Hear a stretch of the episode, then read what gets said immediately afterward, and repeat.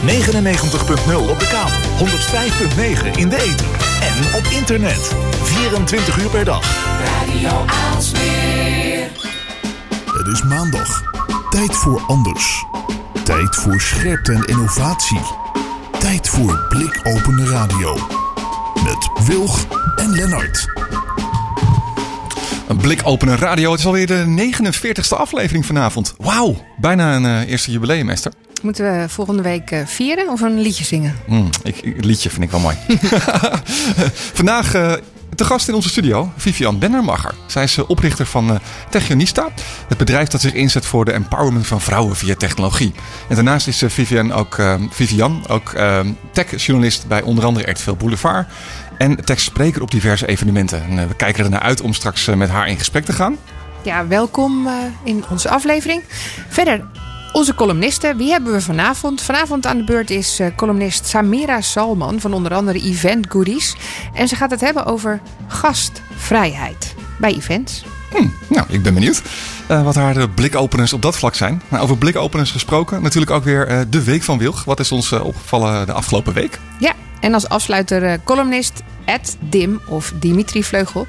Hij heeft voor ons ja, een beetje onderzoek gedaan naar de Super Bowl. Dat is natuurlijk altijd een prachtig event waar eh, heel veel media eh, zich elkaar een beetje haasten om daar eh, ook aanwezig te mogen zijn. Nou, Dus ik ben wel benieuwd wat hij gezien heeft. de dag waarop Amerikanen bijna net zoveel eten als op Thanksgiving. Is dat zo? Dat zag ik ergens voorbij komen. Oh. Nou ja, Dim is ook wakker gebleven, dus eh Nou, komt helemaal goed. Spannend. Ik zou zeggen, genoeg reden dus om eh, te blijven luisteren. En ben je nog niet geabonneerd op onze podcast? Zoek dan gewoon naar de Blikopener Radio in eh, iTunes of Spotify. Of ga naar blikopener.radio.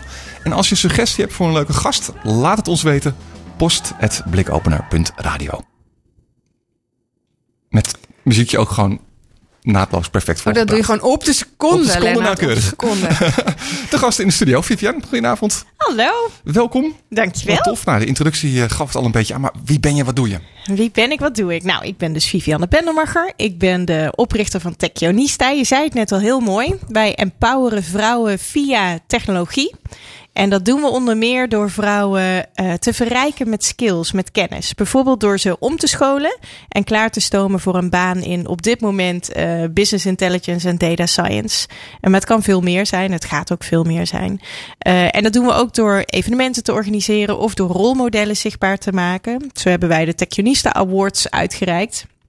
Dus dat doe ik. En daarnaast ben ik eh, veel op podia aanwezig als spreker over technologie, omdat ik daar heel gepassioneerd over ben. En ik ben af en toe op tv te zien, ook in die hoedanigheid als techjournalist.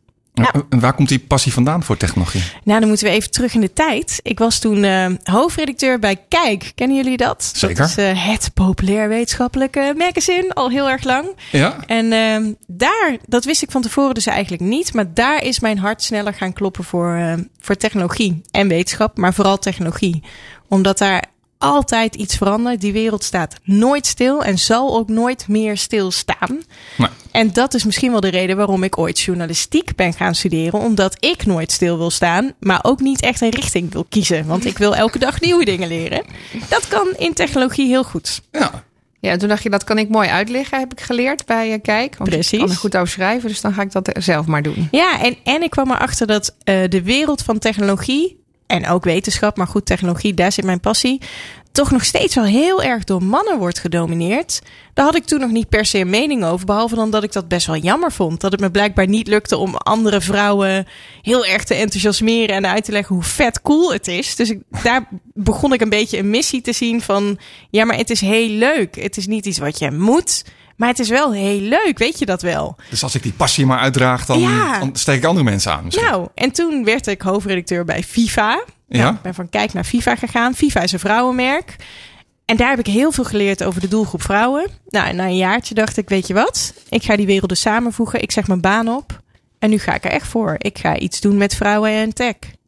En, en, en was, dat- was dat meteen Technista of ben je, een beetje, ben je anders begonnen? Was het een soort... Nee, Techionista was er eigenlijk al. Want dat heb ik opgericht eh, terwijl ik nog bij Kijk zat. Dat was een side project. Ik, eh, Kijk had een WordPress site. Nou, we hebben het nu over jaren geleden. Ja. En ik wist daar eigenlijk helemaal niks van. En ik wilde wel duizend dingen veranderen op die site. Maar het beheer lag bij een centrale afdeling. Dus altijd als ik iets wilde, dan kreeg ik eigenlijk altijd nee. Of het is heel duur. Of het eh, duurt heel lang. Dus nee, je moet even wachten, Bendermacher. En dat vond ik heel vervelend en moeilijk. Dus toen dacht ik, als ik nou gewoon zelf leer hoe je zo'n site moet maken, from scratch. Mhm. Dan, eh, dan krijg ik vast de adminrechten wel. Ik was toen nog heel jong en naïef. En toen dacht ik, dat mij wel. Ja. Eh, nou, die adminrechten heb ik nooit gekregen. Maar ik ben wel gewoon zo'n site gaan maken. En dat was Techionista. Daar is Techionista geboren. En dat was in eerste instantie een blog waar ik praatte over technologie. Omdat ik dat heel leuk vind. En toen ik mijn baan heb opgezegd en echt met Techionista ben begonnen. Nou, toen wist ik nog niet goed welke kant het op moest hoor. Maar toen ben ik begonnen met het ehm, eh, gratis aanbieden van programmeerlessen voor vrouwen. Eigenlijk was er een persoonlijk doel. Ik wilde zelf echt leren programmeren. Want een WordPress-site, we weten het allemaal, dat kan iedereen. Hè? Dat, daar hoef je niet voor te kunnen programmeren. En ik wilde de real deal. Maar ik, ik hou ook van een uitdaging. Dus ik dacht, ik wil het wel leren, maar dan wel voor 0 euro. Hoe pak ik dat aan? Nou, door het met vrouwen te doen. En dan vind ik vast wel iemand die ons les gaat geven. Dus dat heb ik op Twitter toen geroepen. Want had je toen al met je blog een, een soort eh, community Bereik. of bereik? Of, Ja, wel via een Twitter wel, denk ja, ik. via Twitter Ja. wel. Ja. Maar dat kwam denk ik meer vanuit Kijk dan per se vanuit Techionista hoor. Mhm. Maar ik, heb toen, ik had toen wel al aardig wat volgers vanuit Kijk. Ja, ik denk dat dat het is geweest. En op Twitter heb ik toen aangekondigd... ik organiseer programmeerlessen. Dat was een beetje fake, want ik had nog helemaal niks... en ik had ook nog geen docent. Maar in een week reageerden toen 40 vrouwen... die dolgraag mee wilden doen. Hmm. En met die vrouwen ben ik naar T-Mobile gestapt... want die hebben als tagline... Life is for sharing. Dus dacht ik, nou, share die kennis dan maar met ons... want jullie hebben developers Ja. vonden zij superleuk. En toen zijn zij eh, ons gratis les gaan geven. Nou, ik kan het nog steeds niet. Want in een half jaar hebben we toen 450 vrouwen lesgegeven. Dus ik had helemaal geen tijd om het zelf meer te leren. Maar toen had ik wel eigenlijk die business ja, onbewust heel erg gevalideerd. Hier is een enorme behoefte. Vrouwen willen iets met ICT en tech, maar ze weten gewoon vaak niet wat ze dan moeten gaan doen en waar ze moeten aankloppen. Ja. En ik bood een hele prettige, veilige, laagdrempelige omgeving blijkbaar. Eh, en ik had steeds meer bedrijven die me gingen bellen met... joh, wat cool wat jullie doen, wij willen samenwerken. En zo is uiteindelijk de partnership met bijvoorbeeld Microsoft ontstaan... waar we nu die omscholingstrajecten mee doen. En met de komst van Tamira, mijn co-founder. Ja. Eigenlijk sinds zij erbij zit, is het echt een bedrijf geworden. Dus nu is het echt een bedrijf. En zo voelt het ook. Ja, ze voelt het echt. Ja.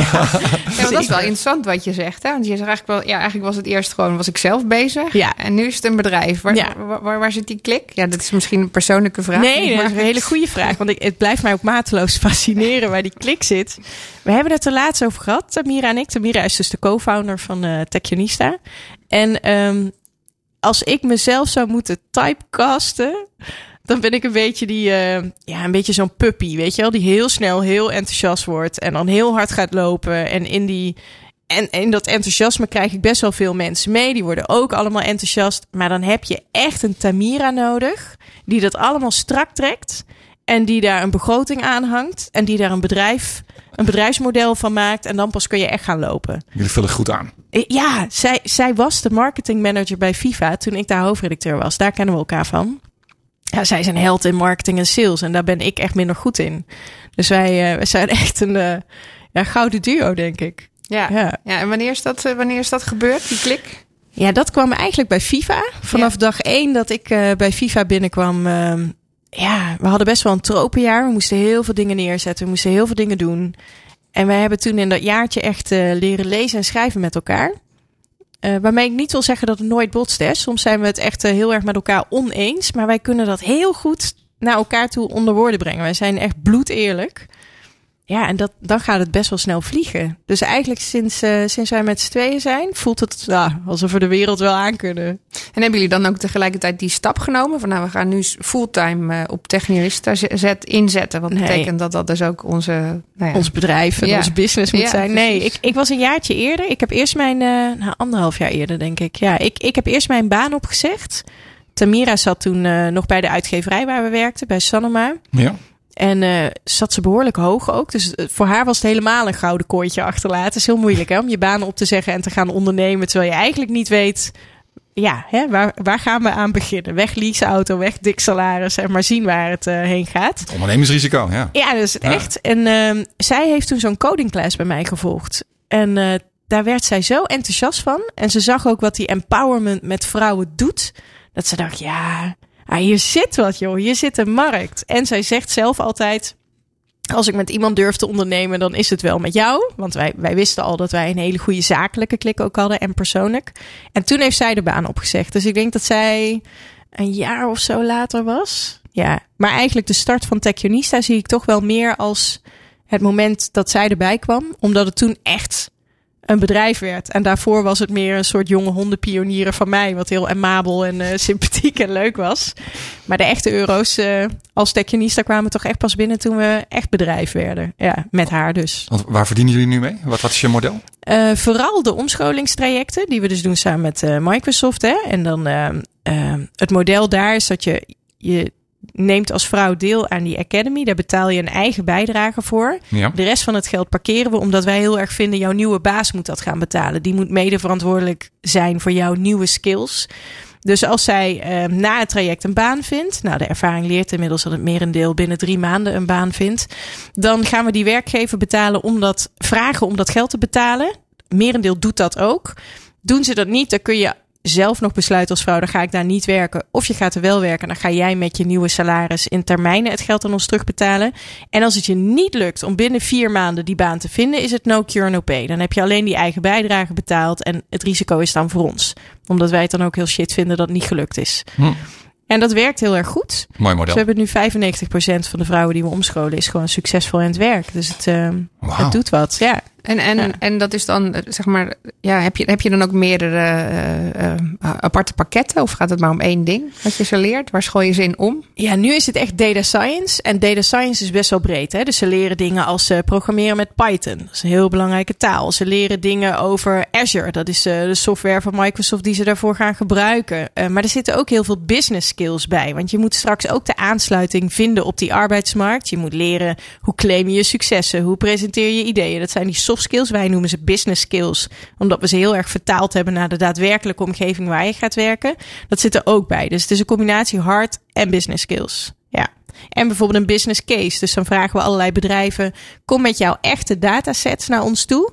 En met jouw probleem of je uitdaging. En dan gaan onze studenten voor jou in een week tijd de oplossing uh, bedenken, hopen we. Mhm. En een model presenteren. Dat leer je ook. Dus ze zitten allemaal bij jullie op locatie, al die studenten? Nou, dat is heel grappig. We hadden een hele leuke locatie waar we het mochten doen. Dat is de Johan Cruijff Arena. Omdat zij dit ook super belangrijk vinden dat we toewerken naar een inclusieve maatschappij. Dus de Johan Cruijff Arena heeft toen tegen ons gezegd: jullie mogen gratis van onze locatie gebruik maken voor dit traject. Ja, dat is echt te gek. Hè? Dan Super. zit je in hele mooie skyboxes met uh, uitzicht op de middenstip. dat is best een leuke werkomgeving, kan ik je vertellen. Dus uh, ja, dat daar mijn zitten voet, voetbalfan uh, voorkomen afgeleid is daarover. Nou, en ik denk zelfs dat er nieuwe voetbalfans ontstaan zijn. dat denk ik. Ja, nee, was heel leuk. Wat goed zeg. Ja. En zitten er, de, zitten er nog nieuwe pakketten in opkomst? Ja, we zijn ik kan nu, me eh, voorstellen dat jij denkt van nou, dit, uh, dit, werkt en door. Ja, nou zeker weten. Ja, dus we zijn nu heel erg met de markt in gesprekken. Met de markt bedoel ik dan de bedrijven die wij veel spreken. Hè? Bijvoorbeeld bedrijven waar die techionista's, ze noemen zichzelf ook techionista. Hè? Vind ik heel leuk. Eh, waar die techionistas aan het werk zijn gegaan, daar praten we continu mee met de vraag. En waar heb jij nou nog meer behoefte aan? Wat voor uitstroomprofielen denk je aan? Bijvoorbeeld op het gebied van cybersecurity of um, AI, specifiek machine learning. Uh, hè, noem het maar. Waar heb je behoefte aan? En dan gaan wij kijken of wij daar een curriculum bij kunnen ontwikkelen. Met of zonder partner. Die ook aansluit bij onze doelgroep. Want onze doelgroep, dus de, de consumentenzijde. Ja. Dat zijn vrouwen die niet per se een achtergrond hebben in ICT en technologie. Wel hoger opgeleid zijn. Vaak al veel werkervaring hebben. De gemiddelde leeftijd zal ergens rond de 35 zitten. Maar de jongste is uh, 26 en de oudste... Nee, 23 en de oudste was 56. Oké. En alles daartussenin van ons omscholingstraject dan. geloven ook heel erg in leeftijdsdiversiteit namelijk. Um, jee. Jij doet je duim omhoog. Heel ja, goed. ik word altijd al heel boos als mensen daarop discrimineren. Want dat is eigenlijk de grootste diversiteit die je kan hebben. En ook de beste. Ik word daar heel maar. gefrustreerd Ja. van. En, en wat ik eh, over die frustratie gesproken, wat mij dus echt is opgevallen en enorm verbaasd heeft, is dat die discriminatie, leeftijdsdiscriminatie, al begint bij een jaar of 35. Hè? Zodra je ouder wordt Dan dan, ben je al oud. 35, ja, of te duur. Ja. En zeker als je, als je zij-instromer bent, dus als jij bijvoorbeeld al jarenlang je sporen hebt verdiend in de marketing en teams hebt aangestuurd en echt niet van gisteren bent, dan besluit je, ja, ik ga voor dat eh, toekomstproof beroep. Ik ga me omscholen naar ICT. Dan ben je in de wereld van ICT wel een starter, maar Ja. je bent wel bijvoorbeeld 35 jaar. Dan krijg je het bedrijven niet uitgelegd dat je daarmee heel veel waarde naar binnen haalt. Hè? Nou, uiteindelijk krijgen we het ze wel uitgelegd.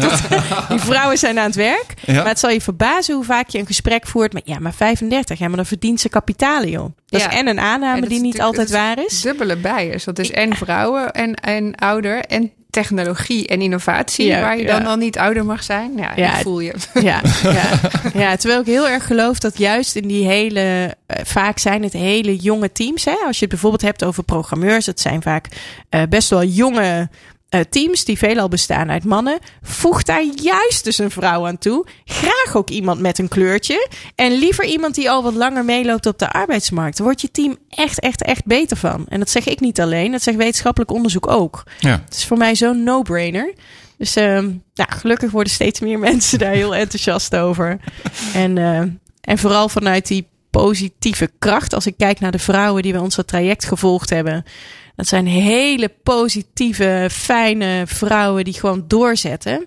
Zo ga je het veranderen. We moeten ook niet in een slachtofferrol blijven hangen of zo. Dat is niet goed. Dus eh, ja, ik ben wel positief nu. Ja.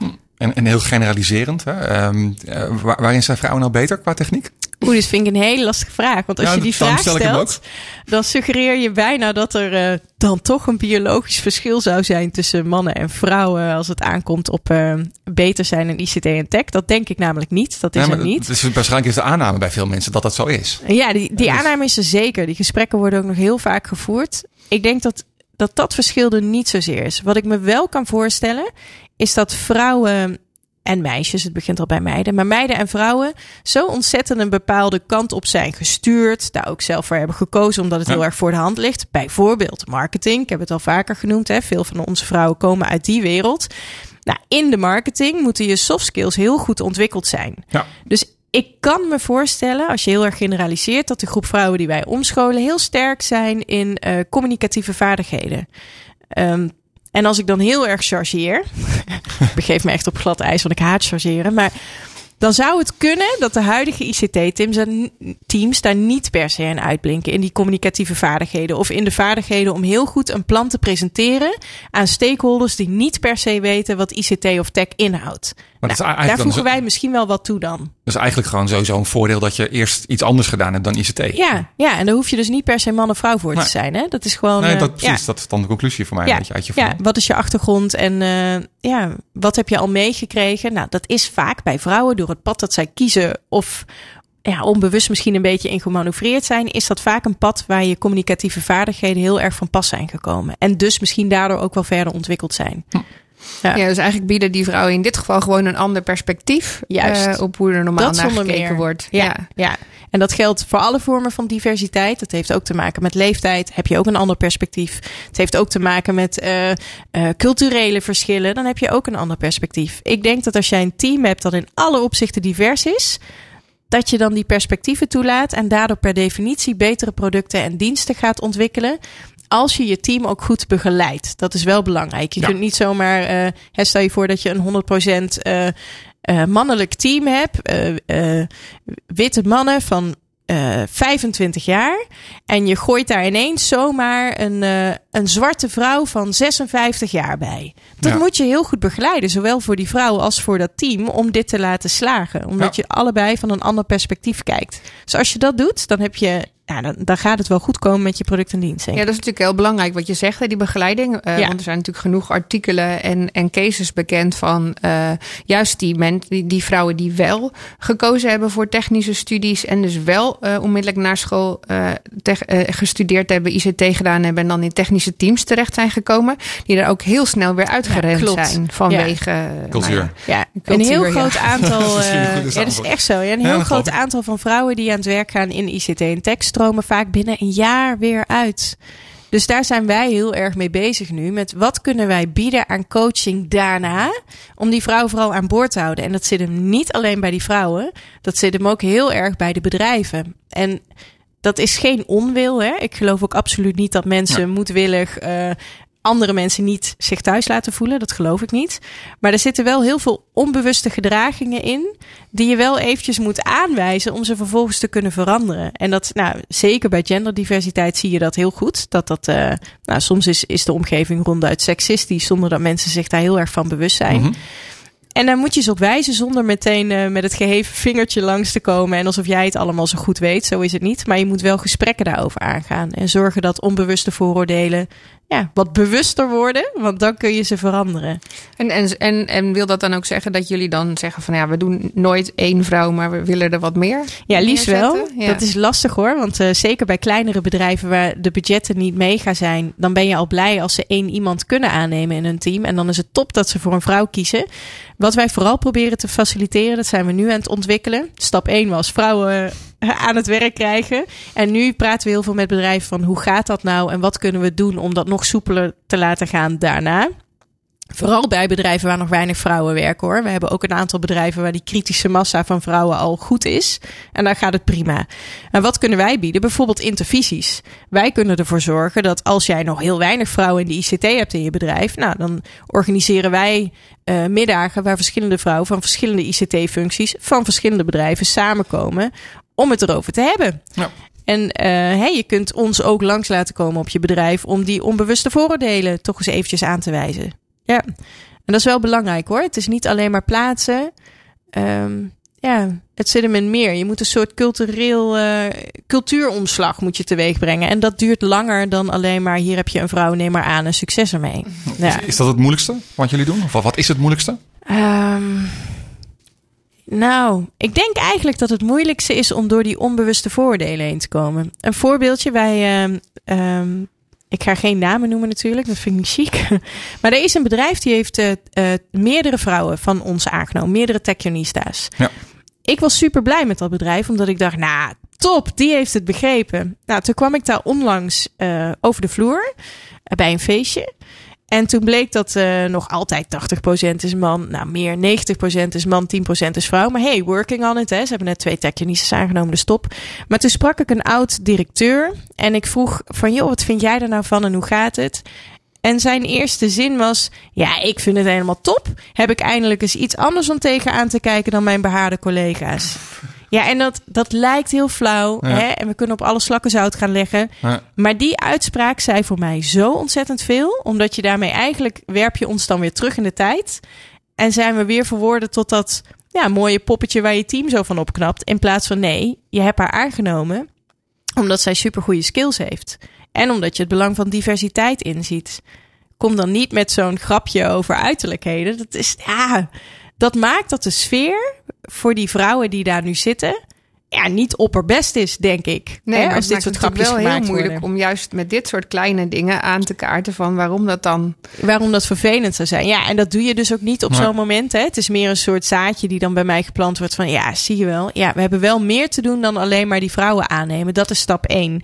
En eh, de man in kwestie... ehm, ik denk ook niet dat je zijn visie nog heel erg gaat veranderen. Het enige wat je heel goed kunt doen... is uitleggen hoe dit soort uitspraken ook vertaald kunnen worden. En hoe niet welkom een vrouw zich daardoor toch kan voelen. Ja, Als die ja. grapjes heel vaak gemaakt worden. Daar Hm. moet je echt een beetje bewuster van zijn. Ja. Ja, maar soms is dat, dat ik, vind het mooi, ik vind het een mooi voorbeeld. In de start-up wereld heb, heb ik nog veel meer van dat soort voorbeelden. Eh, een investeerder bijvoorbeeld die dan zegt: eh, hè, Zou jij niet ook eh, zo'n eh, mooie witte Tesla opgehaald willen worden in zo'n mooie witte Tesla hè, door zo'n prins? zei ik van, nou ja, ik heb er één. en ik zelf maar ook wel. Ja. Eh, maar dus, daar, dat, Ja. dat, daardoor schrok hij wel zelf. En hij beseft ook van ja, dat, maar dat zeg ik vaker. Dat is helemaal niet slim van mij. Want er zijn ook vrouwelijke start-up ondernemers. En daardoor is die. Hè, dus het is niet altijd heel duidelijk dat dat vervelend zou kunnen zijn. Nee, en hè, ik, ik wil ook zeker niet ehm, die barricadevrouw uithangen... die dan meteen eh, met haar vuist geheven iedereen wel eens even terecht gaat wijzen. Helemaal niet, want ik ga uit van die positieve kracht... en ik wil vooral samen dat gesprek blijven voeren. Maar op het moment dat je heel vaak van dit soort opmerkingen hoort... en ik hoor ze met regelmaat... ja, dan bevestig je dat wel heel erg in het gevoel... we hebben nog een hele, hele lange weg te gaan. En dat zit hem niet alleen maar bij het plaatsen van die vrouw. Het is echt meer dan dat. Het enige wat je denk ik kunt doen is het gesprek blijven voeren op een positieve manier. Want als we te veel wij-zij gaan denken, Ja. dan komt het nooit meer goed. Wijsneuzerig wordt. Nou, ja, dat moet je niet doen. Nee, nee, Nee. je moet het echt samen doen en eh, maak een grapje terug. In dit geval die wel duidelijk maakt van... eh, joh, gelukkig hebben ze ook echt een eh, waanzinnig brein meegenomen. waar je heel veel aan hebt en waar je producten beter van worden, weet je. Dat- Ja, Dat is bijna nadat je het moet zeggen. ja, Ja. weet je wel. Ja, dat snap ik. Nou, het is to- toch wel heel mooi. Hè? Dus het is, eh, ik, begrijp dat, eh, dat je ook een beetje de held bent eh, van Samira die straks komt. Maar wat wij nou willen weten is wie zijn jouw helden nou eigenlijk? Oh, dat vind ik nou zo'n lastige vraag. Want als je zegt, wie zijn jouw helden? Dan, dan zit daar ook heldenverering in. Hè? En daar ben ik een beetje tegen. Omdat één persoon kan nooit alleen maar een held zijn. Iedereen heeft mooie kanten en hele nare kanten. Dus ik, ik, zou, ik, ik wil liever nooit één persoon als held zien. Maar er zijn wel personen die bepaalde eigenschappen hebben die ik mega bewonder. Dat zeker. Ja, ja. En dan wil je voorbeelden, zeker. Ja, wie, wie, wie bewonder je? Ja, of die, die je beïnvloed hebben. Of die ik me zeg altijd van, hebben, ja. mijn, mijn moeder is eigenlijk ook een held. Want die heeft dus Ja. heel veel hè, dingen gedaan waar ik denk van ja, daar, die kant wilde Die ik kant daar wil ik op. Ja. Ja, dat vind ik wel een goeie. Ja, het- als ik echt dicht bij mijzelf kijk, dan ja, is mijn vriend die heeft wel echt iets waar ik. Ik weet niet of ik daar nou ook jaloers op ben of dat het alleen maar bewondering is. Maar Tim heet hij. Tim kan vandaag een idee hebben. eh, en dat is nooit geld gedreven, maar altijd passie gedreven. Dan denkt hij, ja, dat is vet, dat ga ik doen. En dan gaat hij het ook echt doen. En dan gaat hij elke dag om vier uur opstaan om dat dan voor elkaar te krijgen. En als het er dan is, en dan heeft hij het een tijd gedaan. Bijvoorbeeld, hij heeft ooit een hardloopblog gestart en dat werd hartstikke succesvol. En op een gegeven moment denkt hij, ja, nu krijg je het er druk voor. En dan stopt hij er ook weer mee of dan zet hij het in de koelkast. Nou, dat heel snel dingen opstarten, maar ook net zo hard weer on hold zetten. Ja, dat vind ik super knap. Dus daar, ik, daar kijk ik echt wel de kunst een beetje van af. Ehm, die gedrevenheid en die Drive. Ja. mega discipline. Dat vind ik heel knap. Ja, en bekendere namen. Heb je toevallig de podcast Dolly Parton's America al geluisterd?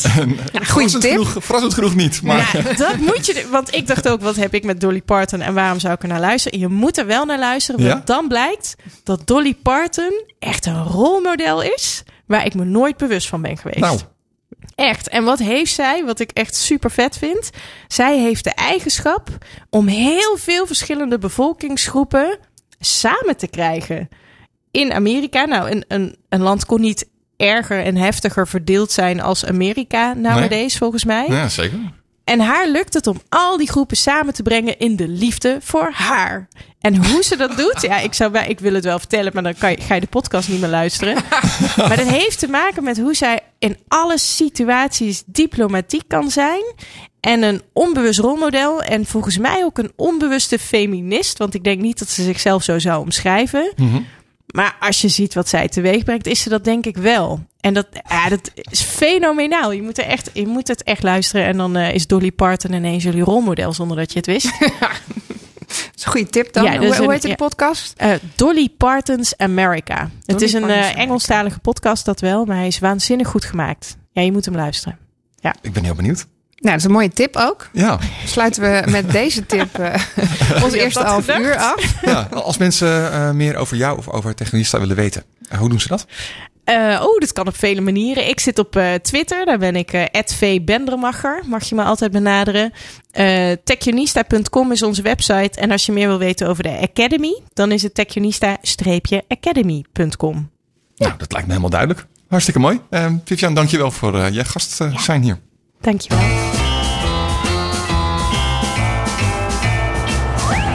Blikopener Radio. En zo schakelen we door naar uh, columnist Samira Salman. Samira, goedenavond. Goedenavond. Nou, ook wat fijn dat jij weer in onze uitzending bent.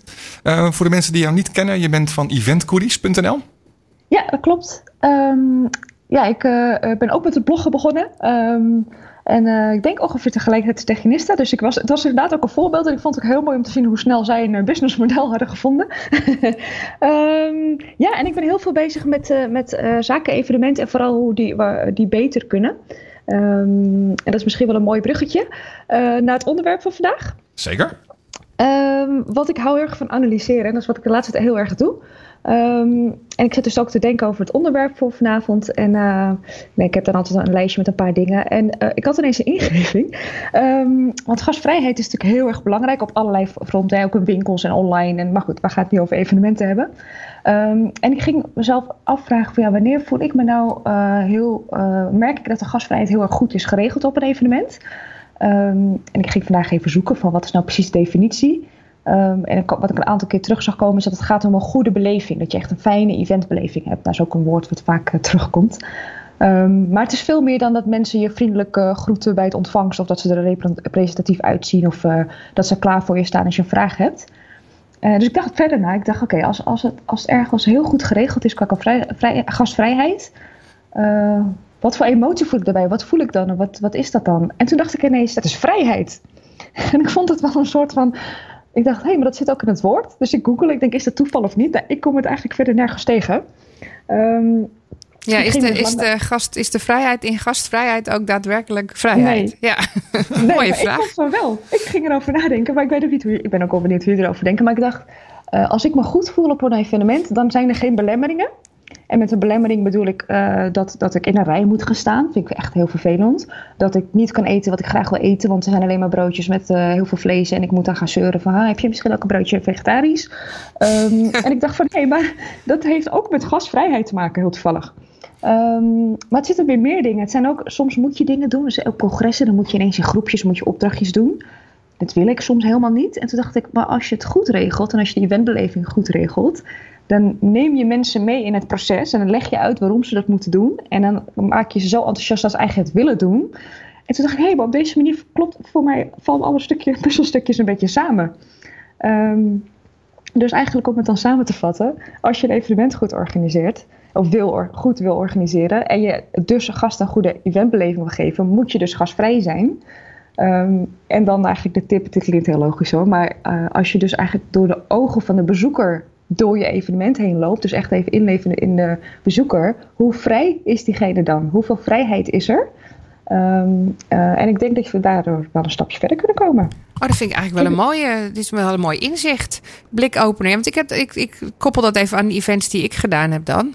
Uh, wij organiseren wel eens een uh, zogenaamde unconference. Hè, dus dan, ja. er zit meer vrijheid in. Uh, en dan zeggen we van, nou ja, wat, waar zou je van willen leren? welke onderwerpen kun je zelf presenteren?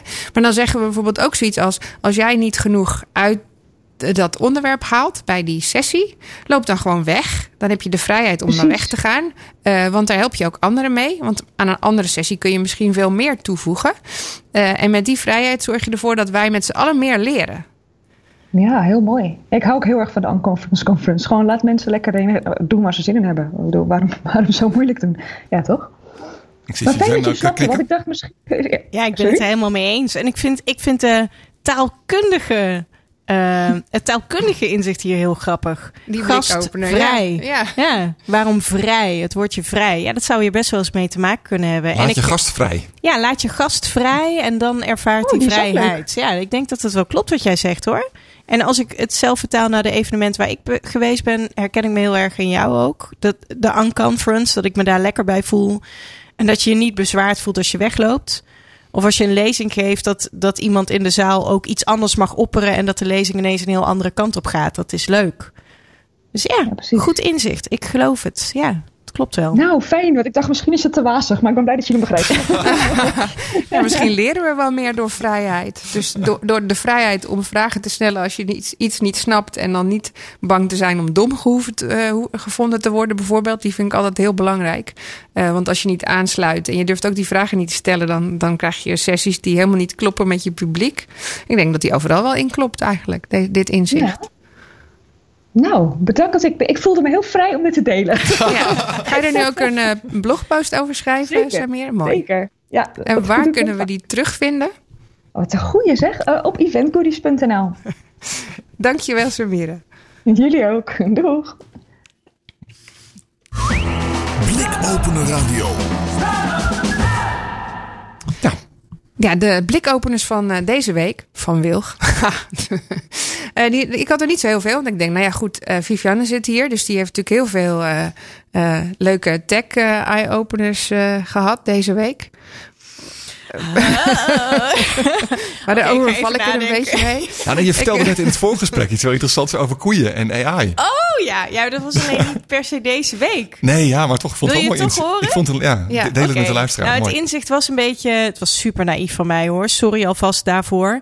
Maar mijn aanname was een beetje, ik, ik maak een podcast ehm, eh, voor eh, Dag en Nacht Media en Deloitte. En ehm, een van de opdrachten is een beetje, ga op zoek naar innovaties en technologische innovaties. En toen dacht ik, oh, dan is het wel grappig om ergens te beginnen waar die innovatie nog niet zo heel hard is doorgedrongen. Oh, shame on me. Want toen was mijn aanname... Nou, als je ergens nog met je voeten in de klei kan staan... en waar eh, hè, ICT nog lekker aan je eh, deur voorbij gaat... dan is het vast wel... Ik schaam me echt om het te zeggen nu. En ik ga vast hate mail krijgen. Maar ik dacht, Ja? dat is vast bij de boer. Want die gaat nog gewoon zijn koeien melken en zo. Nou, toen ben ik naar Bertha 65 op eh Tessel gegaan. Een koe. Vrij letterlijk waarschijnlijk. Ja. En die koe die had een eh, heel mooi AI tracking device. En eh, ik vroeg aan de boer, hoe laat sta jij nou op tegenwoordig? En die zei, nou, uurtje of acht. En dan ga ik eerst naar mijn melkrobot. En dan ga ik naar mijn computer om te kijken hoe de koeien allemaal zichzelf zijn gaan laten melken. En daar kwam zoveel AI bij kijken dat nou, het boerenbedrijf ook niet meer is wat het geweest is. Dus nou, dat was mijn inzicht. Fijn hè? Ja, mooi. Statistieken eh, over koeien. Enorm veel statistieken, ja. Ja. Heel mooi. Dat is een van de toffe dingen van journalist zijn dan. ja Dat je dat soort dingen kan uitzoeken weer. Ja, Ja. zeker. Nou, hadden we het, daar hebben we het een beetje over eh, AI. Hè? Dus die koeien die volgen we ook. En daar, eh, daar komen weer eh, statistieken uit. En misschien wel algoritmes van welke koe er nou altijd eerst gemolken wil worden. Maar die, die algoritmes komen natuurlijk eigenlijk altijd voor. en steeds vaker voor in, in ons dagelijke leven. En soms beseffen we dat niet eens. Hè, zo gebruiken we waarschijnlijk allemaal Google Maps. Soms ook wel eens eh, om eh, je de weg te wijzen. En eh, misschien vooral om files te ontwijken. Ja, en toen dat dacht staat er zo handig iemand, in dat staat er zo handig in. Toen Ja. dacht iemand, als, als daar nou algoritmes voor gemaakt zijn om te snappen waar die files nou staan, zodat je ook verkeer kan omleiden, zodat je die files kan ontwijken, zou je dat dan ook andersom kunnen doen. En toen was er iemand die dacht, weet je wat, daar doe ik een experiment bij. Die iemand heet Simon Wekkert en die heeft een blogpostje geschreven over dat experiment. Die heeft 99 tweedehands mobieltjes eh, aangeschaft. Eh, ik weet niet precies of hij daar nou een kaartje in gestopt heeft of dat gewoon via wifi heeft geregeld. Eh, en die heeft ze allemaal in een soort kruiwagentje gestopt. En daar ging hij heel langzaam op de weg mee lopen. Ook voor het Google-kantoor langs, dat daar in de in buurt Berlijn. was. Ja. Ehm, en toen ging hij kijken of hij daarmee eh, dat hele traffic van Google Maps kon hacken. Nou, eh, hij zegt, hij heeft niet heel erg uitgebreid geschreven hoe hij het gedaan heeft en ehm, welk, wat hij nou precies voor eh, dingen toegepast heeft. Dus er is natuurlijk altijd nog een kans dat dit hartstikke fake was, maar het verhaal is gewoon heel leuk. Ja. Hij laat foto's zien dat hij dus op een gegeven moment echt op een lege weg loopt, omdat er Met zijn karretje. met zijn karretje dat vol zit met allemaal, allemaal mobieltjes.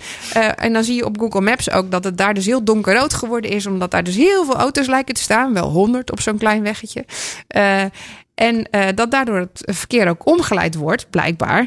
Eh, en dan loopt hij dus op die lege weg. Dus je, je kan het Oh, ook andersom inzetten. Een virtuele traffic jam. Ja. En zelfs als dit niet echt is, vind ik het toch Nog wel steeds leuk. Nog steeds leuk. Want het laat je anders kijken naar die algoritmes. Die zijn voor dat ene doel bedacht. Maar je Ja. kan ze dus ook andersom gebruiken om weer andere dingen te doen. Maar ook het besef dat ze dat dus meten. Doordat ze zien hoeveel mensen eh, in een bepaald, eh, In een bepaald bepaalde gebied straat zitten. stilstaan. Ja, stilstaan. Ja, dat klopt. Dat het dus aan de ene kant heel knap is. Hè, dat je zelfs als je in the middle of nowhere rijdt, zeg maar, dat je nog steeds kan zien, oh, er komt een stoplicht aan, er staan mensen voor te wachten.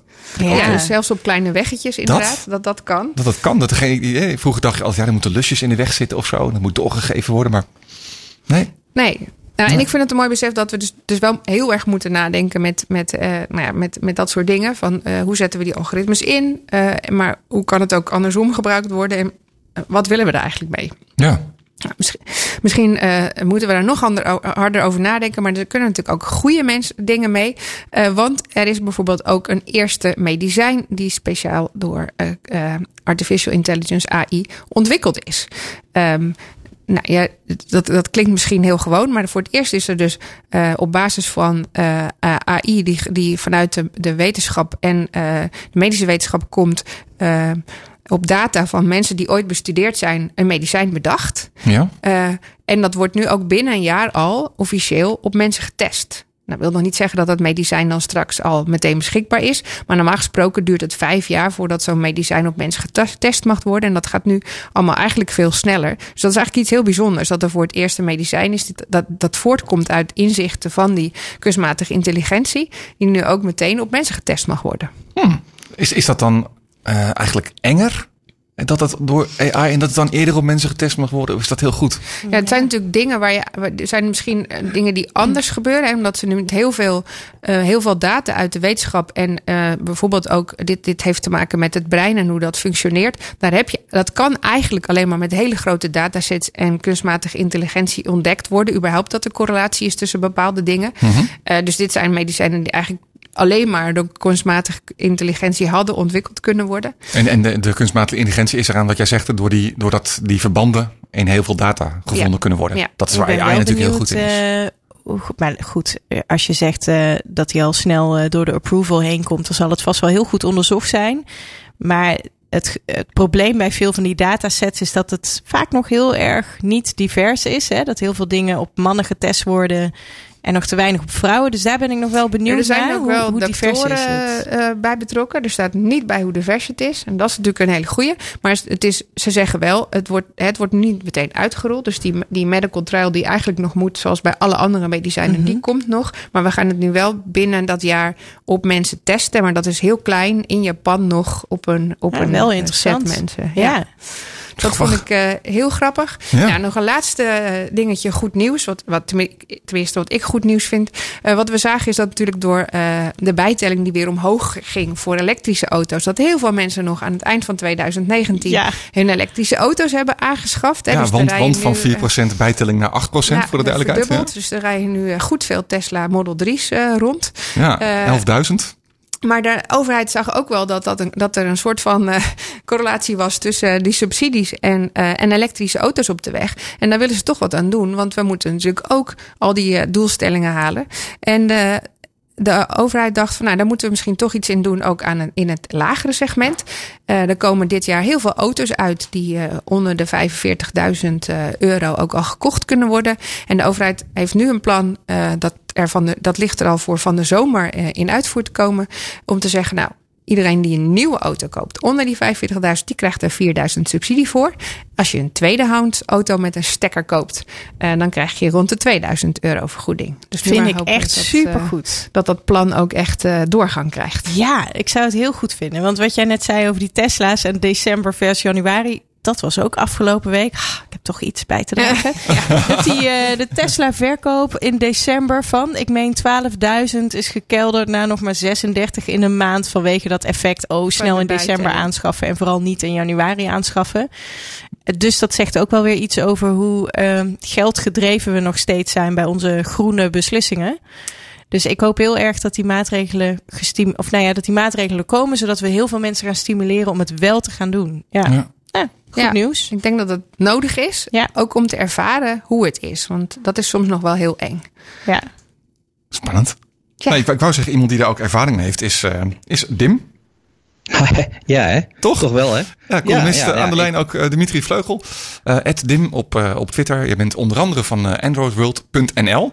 En ja. nou ja, geregeld columnist bij ons in de show. Ja, leuk. Ja, ik wil je feliciteren met iets. Oh jee. Dat, dat en dat is, jullie hebben volgens mij de, de, een coronavirusvrije uitzending. en dat ja, dan begin jij er nu over. Voor zover wij, wij weten wel.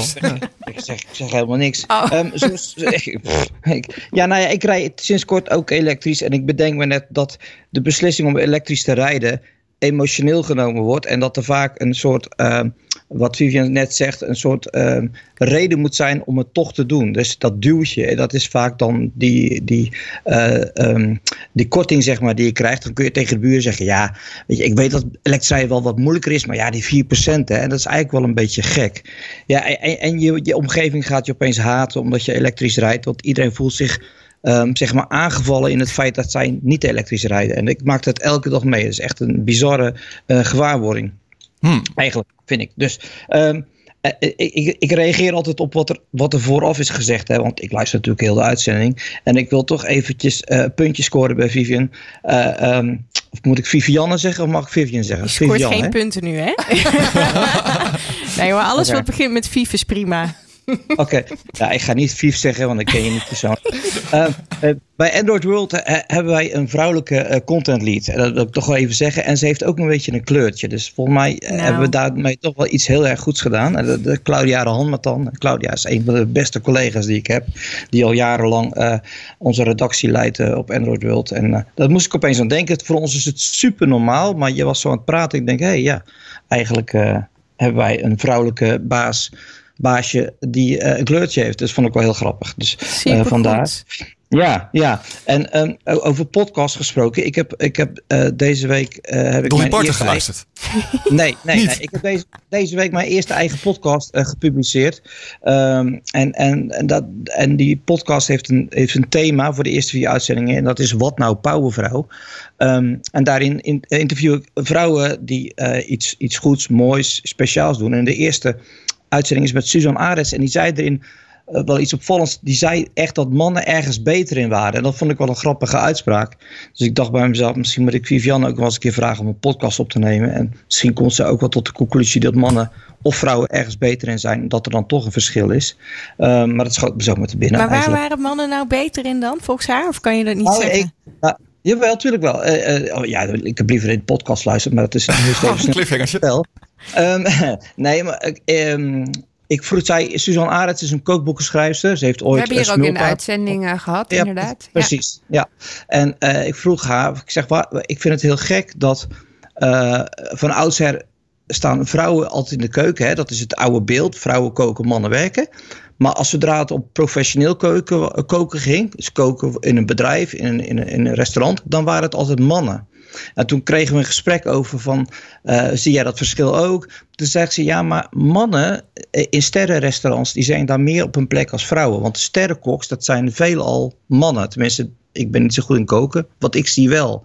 En zij vertelde, ja, mannen zijn gewoon veel stressbestendiger dan uh, vrouwen. Dat was haar mening, dat mm. mannen daar dus beter in waren. Dus ik vond dat best wel een, Zie uh, een twee uitspraak. vrouwen fronsen nu hoor.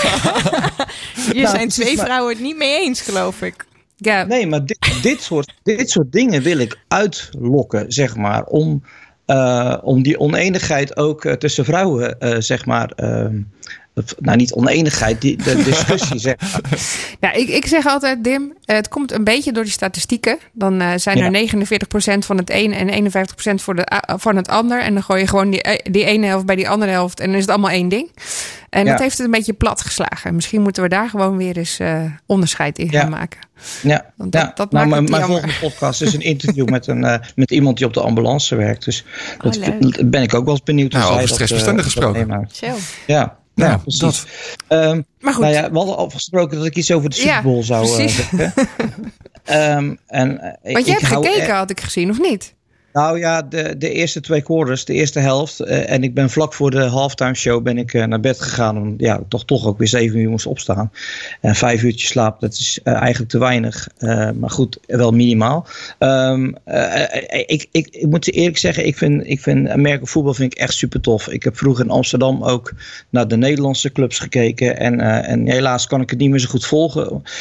dus ik probeer altijd wel de Super Bowl te kijken. En de Super Bowl is natuurlijk een enorme happening. Dat is een van de grootste sportevenementen ter wereld. En inmiddels uh, ook media-evenementen, want er zijn natuurlijk ja. goed veel merken die daar uh, van alles mee willen.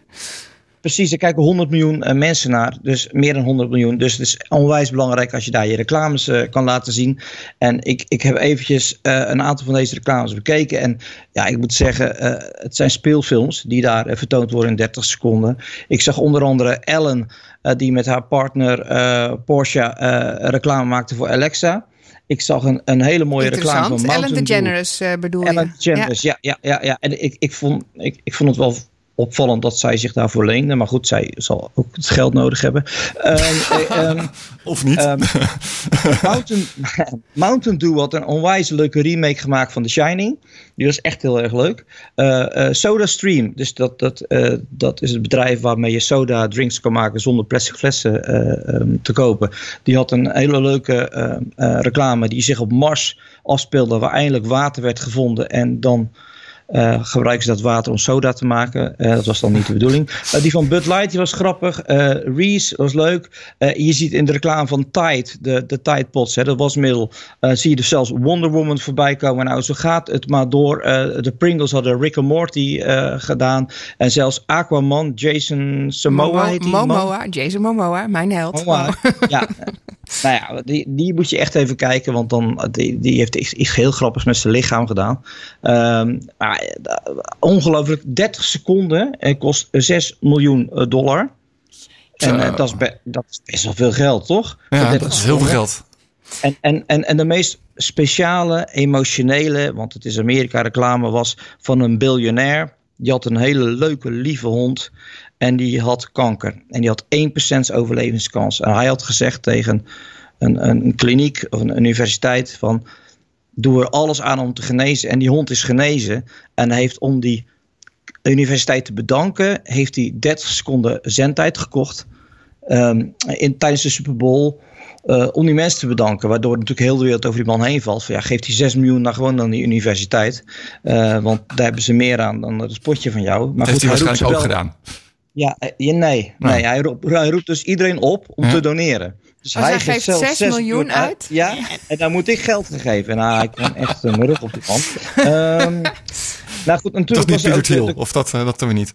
Nee, dat niet. Oh. Er was natuurlijk ook weer de Kobe Bryant, eh ehm ehm, hoe moet ik wat zeggen? Eh met, er werd aan op besteed aan Kobe Bryant, de, de basketbalster. Ja. Ja, ja en, en ik, ik vond het ook wel een fenomeen op zich de afgelopen week. Ik weet niet of jullie daar tegen aankijken. Dat, eh, dat er een helikopter neerstort eh, met een aantal mensen erin. En een van die mensen is dus Kobe Bryant. En, dat, ja, dat dan gelijk heel de wereld in brand staat. Dat, dat moet ik heel voorzichtig zeggen, want het is natuurlijk vreselijk. Hè? Maar gelukkig zijn er genoeg mensen die ook hebben gezegd hebben... ja, Kobe Bryant zat erin. Maar ook nog een aantal andere mensen die ook niet meer thuiskomen. Vaders, moeders, eh, broers en dergelijke. Ik vond dat het, in, in, dat het heel erg de aandacht naar Kobe Bryant toe gaat. Maar goed, het is ook een wereldster.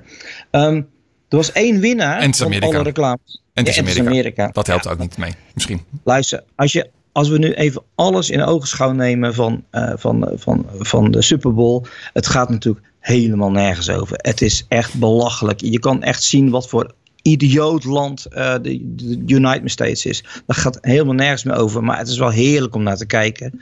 En, en dat, al die reclame, al dat, dat, die, die halftime show. Ik heb wat, wat stukken gelezen met, met die, de twee Latina-sterren die dan opkwamen voor een Latijnse achtergrond. Hè, door die muur.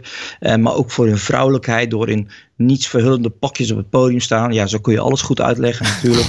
Ehm, ehm, ehm, ik, ben, ik ben benieuwd wat Vivianne daarvan vindt.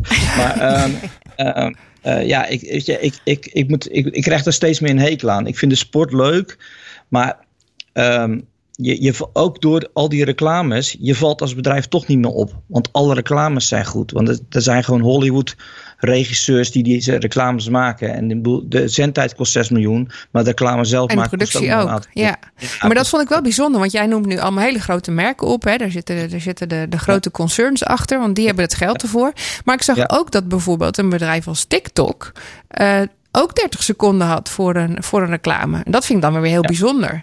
Eh, want ja, dat, dat, dat- Dat- Jij denkt dat die geen geld hebben. nou ja, goed, maar dat, dat is natuurlijk wel. Ik, die hebben wel geld. Nou ja. Want hebben ze nu eh Maar ze- one, one billion users, geloof ik, eh, wereldwijd.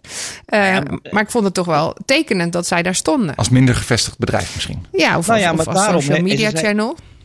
Ja, daar is het, daarom is het voor hun juist wel nuttig, omdat die attentiefactor erin zit. Van hé, hey, die hadden we niet verwacht. Maar eh, de, de winnaar is iedereen is helemaal lyrisch over de reclame van Jeep. Met eh, Bill Murray in de hoofdrol. Ja, dat kan niet Amerikaanser. Een Jeep zonder deuren die door de sneeuw heen rijdt. En met Bill Murray achter het stuur. Ik bedoel, het, ja, het, het, is allemaal overdaad en, en, en suiker en, en valse emotie eh, wat je ziet. Maar inderdaad, kijk, ehm, eh, zo'n TikTok heeft daar natuurlijk best wel veel weer downloads uitgehaald. Want iedereen toch gaat proberen.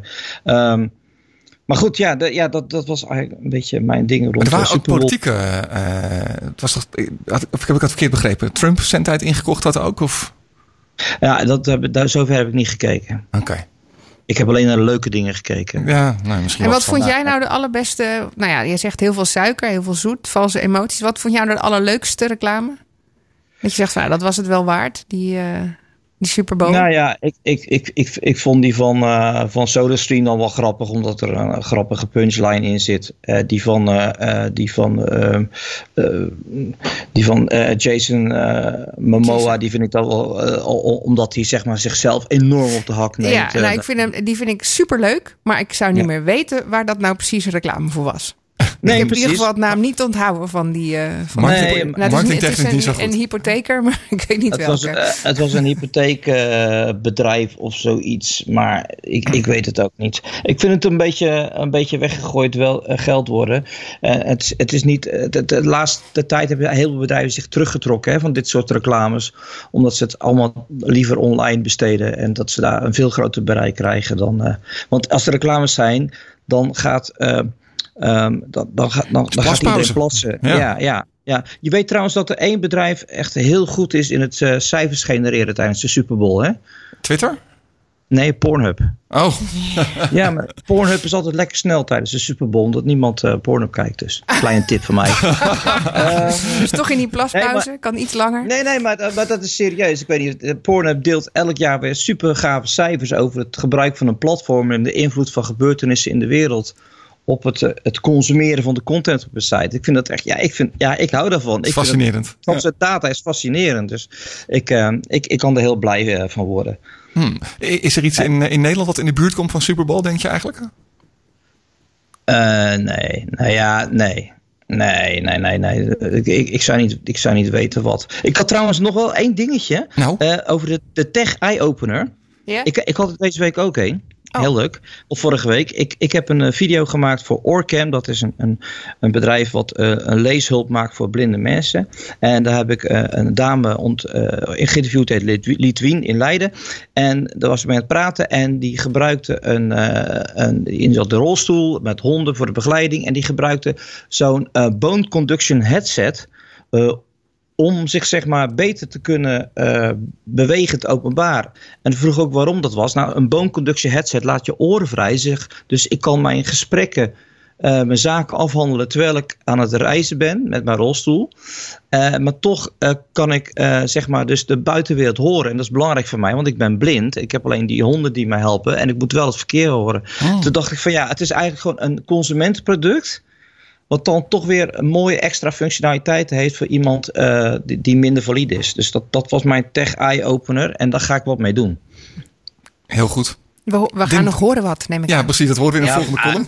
Maar ja, dat, ik, ga, ik ga het delen met jullie. En dan ga ik jullie vragen of jullie me willen helpen. Maar dat komt de volgende keer. Nou, daar kijken we naar uit. Dankjewel voor je bijdrage deze uitzending, eh, Dim. Graag gedaan. Was En eh, natuurlijk ook eh, Vivian. eh, dankjewel voor je komst aan de studio. Graag gedaan. Volgende week hebben we ook weer een gave gast, eh, namelijk Casper Overbeek. Hij is eh, directeur Customer Experience en Digital eh, bij de hotelketen Citizen M. Ja, heel mooi verhaal. Nou, ik ben echt reuze benieuwd. Luister ook dan weer. Fijne week.